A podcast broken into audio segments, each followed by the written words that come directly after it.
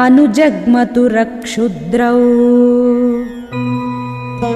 पितामहमिवाश्विनौ तदा कुशिकपुत्रम् तु